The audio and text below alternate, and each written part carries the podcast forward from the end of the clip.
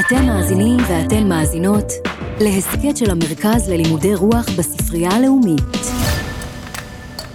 ברוכים הבאים לעוד פרק של ספרים ששינו את ההיסטוריה.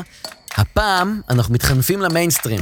אנחנו הולכים על שם גדול, על סלבריטי ספרותי אמיתי. זה, זה שם שלקח את הספרות העברית לגבהים בינלאומיים.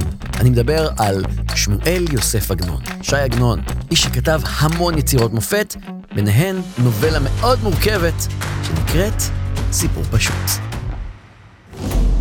ספרים ששינו את ההיסטוריה. מגיש עומר סנש. שי עגנון היה סופר מגה סטאר. היה כוכב, הייתה לו עדת מעריצים, באמת. הם אפילו מדי פעם התקהלו והפריעו לשלוות השבת בשכונת תלפיות בירושלים, השכונה שבה הוא גר בתקופה מסוימת. קבוצת הגרופיז של שי עגנון התאספו בשבתות סביב ביתו בתקווה לראות את האליל שלהם חוזר מבית הכנסת, או מבלה את השבת עם איזה ספר, או אולי אפילו קורא ממנו לילדיו. בסוף נמאס לעגנון, אז הוא תלה על דלת ביתו שלט. כאן יושב יהודי שומר שבת. אנא כבדו את השבת. הבעיה הייתה שמעריצים היו גונבים את השלט כל פעם, אה, פשוט כי הוא כתוב בכתב ידו של הסופר הגדול, ועגנון נאלץ לכתוב את אותו השלט שוב ושוב, עד שבסופו של דבר עיריית ירושלים תלתה במימונה שלט ליד הבית. אה, השלט מזכיר לעוברים ושבים שמומלץ שלא ירעישו, כי הם עלולים להפריע לסופר הגדול עגנון בעבודתו החשובה. כן, ב-1935, השם הגדול בפלסטינה של אז הוא שמואל יוסף עגנון. הוא הסלב, בה"א הידיעה ובסמך הסלב. איפה אתה אבא אבא, ואני אהבתיך אהבה רבה. זה אולי לא נשמע איזה שיר מופתי, זה לא נשמע כמו הברקה ספרותית גדולה, אבל החרוז הפשוט הזה היה החיבור הראשון ששמואל יוסף הקטן כתב בעברית אי פעם. זה חיבור ראשון מתוך קריירה מופלאה ועצומה, שעוד תכלול יצירות מופת רבות. ואם נזכור אגב שעברית היא שפה שרק עכשיו חודשה אחרי אלפי שנות תרדמה, אז אולי נבין למה עגנון הקטן עורר כזאת התפעלות כבר מגיל צעיר. שמואל יוסף צ'אצ'קס בא לעולם ב-8 באוגוסט 1887. ברבות הימים הוא הצהיר שנולד שנה אחרי, בתאריך העגול והיפה, 8 לשמיני 88. יש אנשים שאומרים שהוא שינה את יום הולדתו כדי לחמוק מגיוס. יש כאלה שטוענים שהוא העדיף את השנה שבה ה-8 באוגוסט נופל על התאריך העברי של יום חורבן המקדש, תשעה באב, ואגב, לפי האמונה, זה גם התאריך שבו המשיח ייוולד. לא יומרני בכלל. בכל מקרה, צ'אצ'קס הקטן נולד בעיירה בוצ'אץ'. זו עיירה שאז הייתה חלק מהאימפריה האוסטרו-הונגרית, וכיום נמצאת בשטחה של אוקראינה. צ'אצ'קס מבוצ'אץ' התחיל לפרסם שירים ביידיש כבר בתור ילד. בגיל שבע הודפס גיבור קטן, השיר הראשון שלו בעברית. אלו היו ימי ההתעוררות הציונית. רבים מיהודי אירופה נענו לקריאה של הרצל להקמת בית לאומי לעם היהודי בארץ ישראל, ושמואל יוסף הצעיר פשוט נשבע בקסם של תנועת ההתחדשות, וב-1908, עוד לפני שהיה בן 20, עזב את עיר הולדתו, עבר לפלסטינה והתיישב ביפו. בשכונה החדשה דאז, שנקראה נווה צדק. בשלב הזה, עגנון הצעיר הוא כבר אדם די מגובש ודי משכיל. בתחילת תקופתו בארץ ישראל, הוא היה עוזרו האישי של שין בן ציון, המוציא לאור של עיתון העומר, שבו גם פורסם הסיפור הראשון של שמואל יוסף, סיפור שנקרא עגונות. בעקבות שם הסיפור הזה, הסיפור הראשון שלו בארץ ישראל, צ'אצ'קס משנה את שמו לעגנון. וכבר אז הוא סוג של מגדיר לעצמו את משימת חייו. הוא רוצה להיות הסופר הגדול הראשון של הבית הישראלי החדש. ונראה לי שתכלס, הצליח לו. אף אחד לא ידע לכתוב כמו שמואל יוסף עגנון. עגנון לא רק אהב את השפה העברית, הוא גם חידש אותה תוך כדי שהוא השתמש בה. ואם אתם רוצים אה, טיפ להבנה יותר טובה של השפה של עגנון, אל תתייחסו אליה כמו אל שפה ארכאית, מיושנת. תתייחסו אליה כמו מה שהיא הייתה באמת עבור עגנון באותה תקופה. זו הייתה שפה חדשה לגמרי שהוא עדיין לומד, שהוא עוד לא לגמרי יודע אותה, שהיא עצמה עוד לא לגמרי מגובשת. תוך כדי שהוא כותב בה, הוא משפר אותה, הוא משחק בה, הוא שובר את המסגרות שלה שוב ושוב, ומרכיב הכל מחדש. זה, זה נשמע מטורף, אבל צריך לזכור שבאותה התקופה עדיין לא היה אפילו קונצנזוס אם צריך לדבר במלעיל או במלרע, לא כל המילים עדיין הוסכמו על כולם. השפה עדיין הייתה נטועה עמוק בימי התנ"ך, היא עוד לא ממש מצאה את מקומה בעולם המודרני, שבו עגנון חי, ועם זאת הוא עדיין הצליח לכתוב בה ספרות גדולה. אין ספק שעגנון לא חשש מלאתגר את הקורא שלו. הוא דרש מהקוראים שלו הקשבה וגם רוחב אופקים, כלומר, השכלה מסוימת. הוא לא היסס לשלוח את הקוראים שלו לחטט קצת בארון הספרים היהודי כדי להבין את הרפרנסים, את כל התמונה המלאה מאחורי הסיפורים שכתב. אבל ההשקעה הזו משתלמת. כי כמו שאמרנו, אף אחד לא שיחק בשפה העברית כמו שמואל יוסף עגנון. עכשיו נדבר על סיפור פשוט. מה הסיפור? ומה בעצם כל כך פשוט בו? מדובר בגיבור הירשל הורוביץ, שמתאהב בבלומה נחט. זה שמה של עוזרת הבית היתומה שעובדת במכולת שאותה מנהלים הוריו של הירשל. עד שלא הגיע הירשל לפרקו, מצא לפניו את בלומה. זו בלומה שהייתה בבחינת תאומתו. בלומה פורחת כשושנת העמקים שאין עין הרע שולטת בה.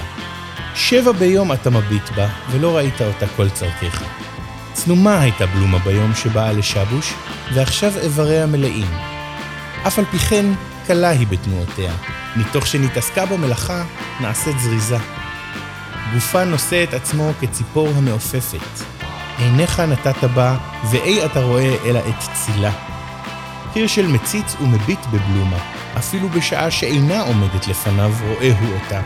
צייר גדול צייר את דמות תבניתה של בלומה, וקבעה בליבו של הירשל, ומשם היא נראית לו בכל יופיה.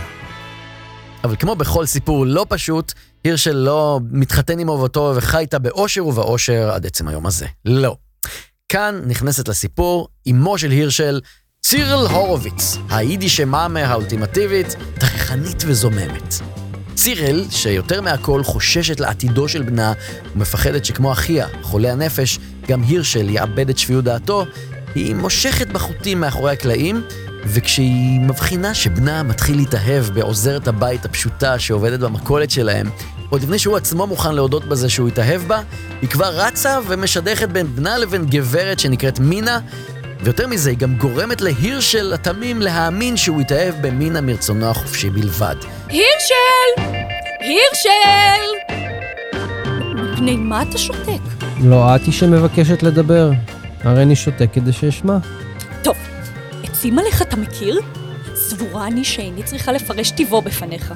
כן, סימלך עשיר וביתו משכילה.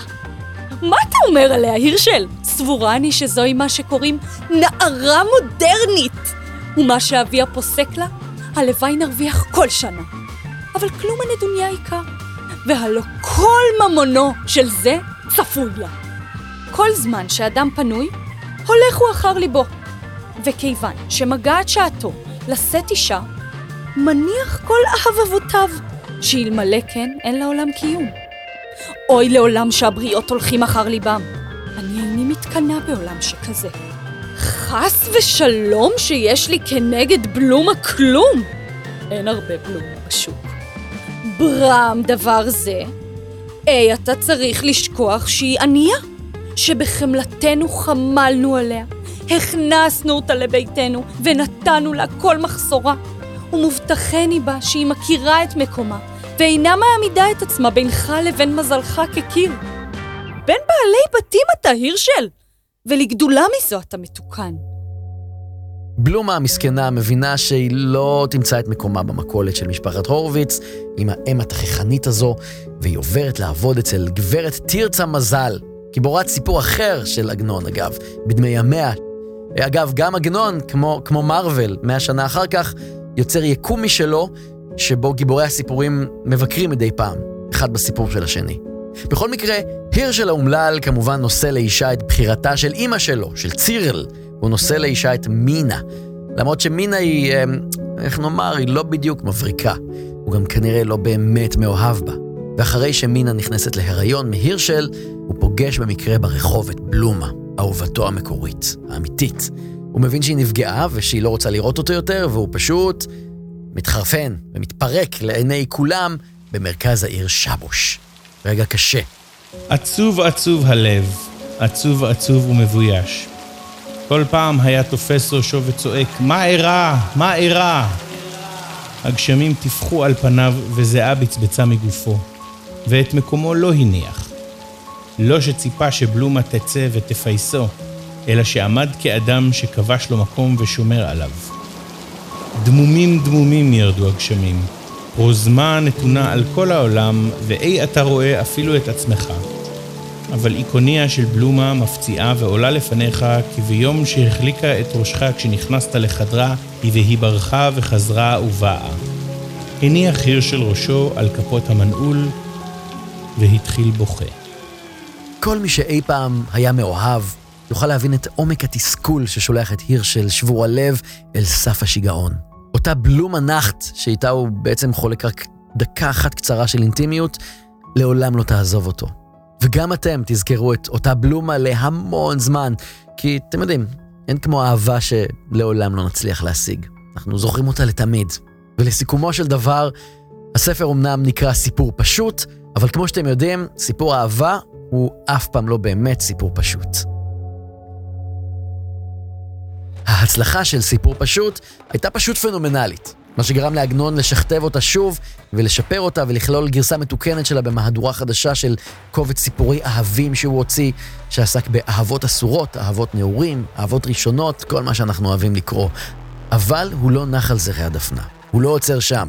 אחרי סיפור פשוט, הוא המשיך לכתוב עוד כמה רומנים מוצלחים ומצליחים מאוד, כמו אורח נטל אלון, שמספיד באופן כמעט רשמי את יהדות הגולה, וסוג של מנבא את האסון הנורא של השואה, או למשל את הספר "תמול שלשום", רומן היסטורי שחוזר לימי העלייה השנייה וגם מסקר את תל אביב הצעירה, את ימיה הראשונים של העיר, אבל כדי לספר על ההישג הגדול ביותר של עגנון, אנחנו צריכים לקחת רגע לדבר על פרס נובל. אז מה זה פרס נובל? אלפרד נובל היה תעשיין שוודי מצליח. לזכותו רשומים כמה פטנטים חשובים, ביניהם הדינמיט, חומר נפץ. מהר מאוד הדינמיט גויס כמובן לצרכים מלחמתיים, וגרם להרבה מאוד סבל, להרבה מאוד הרג. אלפרד נובל אמנם התעשר מאוד מההמצאה הזו, אבל גם הבין את פוטנציאל הנזק שלה. והוא שקע בדיכאון. באחד העיתונים קראו לו סוחר מוות. בניסיון לפצות במשהו על כל הנזק שגרם, אלפרד נובל החליט להוריש 94% מרכושו לקרן שתעניק בכל שנה פרסים לאנשים שהועילו לאנושות. עד היום פרס נובל מוענק מדי שנה בסטוקהולם שבשוודיה, ואפשר לומר שזה הפרס המפורסם ביותר בעולם. פרס נובל מוענק בקטגוריות קבועות שאלפרד ציין בצוואתו.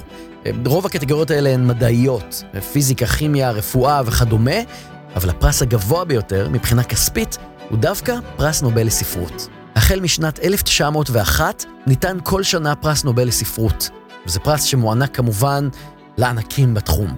למשל תומאס מן ובקט וקאמי והמינגווי ודוריס לסינג וויסלבה שימבורסקה. פעם אחת בלבד זכה סופר ישראלי בפרס נובל. זה קרה בשנת 1966. אם נוברים בארכיון המדינה, מגלים שבשנים שקדמו לזכייה הזאת, ישראל הצעירה משקיעה המון מאמצים דיפלומטיים כדי לקדם את מועמדותו של ש"י עגנון. המוציא לאור גרשום שוקן יזם תרגומים של כתביו של עגנון לשוודית, וחוות דעת מקיפה ומעמיקה על יצירתו של עגנון נכתבה על ידי ברוך קורצווייל, המבקר החשוב, ונשלחה לאקדמיה שמעניקה את פרסי הנובל. ובסופו של דבר עגנון זכה בפרס הגדול. עגנון, בדרכו העגנונית והמעט שוביניסטית, התאכזב לשמוע שיש לו פרטנרית לזכייה הזו, כלומר שהוא לא זוכה לבד באותה השנה. הפרטנרית הזו הייתה המשוררת היהודייה החשובה נלי זקש. הוא כן הסכים להיפגש איתה כשביקר בסטוקהולם כדי לקבל את הפרס, ושגרירות ישראל דיווחה שהייתה פגישה חמימה ולבבית, אבל האמת היא שהוא לא הסכים לקנות לה פרחים, אז השגרירות קנתה את הפרחים. אבל בסדר. הוא גם התלונן על הזכייה ואמר אה, לכתב כל ישראל באותו מעמד, שיבואו צלמים ויבואו מראיינים, ואני לא אוכל לחזור לעבודתי, ואני אקבל המון טלגרמות והמון מכתבים וביקורים שיגזלו ממני את כל עבודתי. בקיצור, הוא אהב את הכבוד הגדול שקיבל, אבל גם לא הפסיק להתלונן. זה לא היה הפרס הראשון שבו אה, שי עגנון זוכה, אבל זה בכל זאת היה פרס שונה. לקראת הנסיעה לסטוקהולם, לטקס, היה צריך לדאוג לכל מיני הסדרים. קודם כל, להסדרי אוכל, כי עגנון הקפיד על כשרות ועל צמחונות. וגם, היו צריכים לדאוג להסדרי הגעה מתאימים, כי עגנון שמר שבת. הטקס עצמו תוכנן להתקיים ממש זמן קצר אחרי צאת השבת, וזה יצר בעיה לוגיסטית. רוכבים על אופנועים פילסו לעגנון דרך ברחבי סטוקהולם כדי שיגיע במהירות, ותוך כדי הנסיעה הוא התגלח ברכב. דרמה גדולה סביב העניין הזה.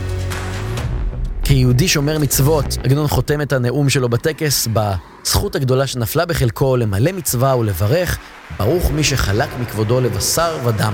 זה משפט שעל פי המסורת צריך להגיד כשנפגשים עם בן מלוכה. במקרה הזה מדובר במלך שוודיה שנתן לעגנון הזקן את הפרס. קודם שמסיים אני את דבריי, אומר עוד דבר. אם שיבחתי את עצמי יותר מדי, למענכם שיבחתי את עצמי. כדי להניח את דעתכם על שימת עיניכם עליי, כשאני לעצמי מאוד מאוד קטן אני בעיניי. כל ימיי אינו זז ממני המזמור שאמר דוד, תהילים קל"א. אדוני לא גבה ליבי ולא רמו עיניי, ולא הילכתי בגדולות ובנפלאות ממני. אם מוצא אני חיזוק לעצמי, הוא שזכיתי לדור בארץ אשר נשבע אדוני לאבותינו לתת אותה לנו, כמו שכתוב, יחזקאל ל"ז, פסוק כ"ה. וישבו על הארץ אשר נתתי לעבדי ליעקב, אשר ישבו בה אבותיהם, וישבו עליה המה ובניהם ובני בניהם עד עולם. הבחירה בעגנון לפרס נובל לגמרי שמה אותו בשורה אחת עם גדולי הסופרים. אבל מעבר לזכייה בפרסים, מה שעגנון באמת אהב, מה שהוא חגג כל החיים שלו, זו פשוט האפשרות לכתוב בשפת הקודש, השפה שבה נכתב הספר של תרבות המערב, יודעים, התנ"ך. אפשר לומר שעגנון לא רק ניסה לעמוד בין גדולי הסופרים של תקופתו, אלא גם השתדל להיות משהו מעבר לזה. המודלים שאליהם עגנון שאף היו שמואל וירמיהו ושלמה המלך, מה שנקרא להתעלות באילנות מאוד גבוהים וגם מאוד עתיקים. בזכות ניצוץ גאונות וחיבור חדשני לארון הספרים היהודי ובזכות המון אהבה לשפה וכבוד לקוראים, עגנון העניק לעולם אומנות גדולה. ולהצליח לעשות דבר כזה, זה ממש, אבל ממש לא סיפור פשוט. עד כאן להפעם. ספרים ששינו את ההיסטוריה. פודקאסט מבית המרכז ללימודי רוח בספרייה הלאומית. ניהול והפקת הפרויקט גליה פולק ארביב. כתיבה יותם פוגל. תחקיר לאה קילבן עופרון. משחק יאיר שפירא, רינת בנאי ותומר בן עמרם. במאי נמרוד עציון. תודה לראש אגף חינוך ותרבות צילה חיון, למנהלת המרכז ללימודי רוח נטע שפירא, למפמ"רית ספרות מירב בראוטבר פסט ולעידו קינן. ההסכת הופק בתמיכת קרן עזריאלי. אני עומר סנש, תודה על ההאזנה.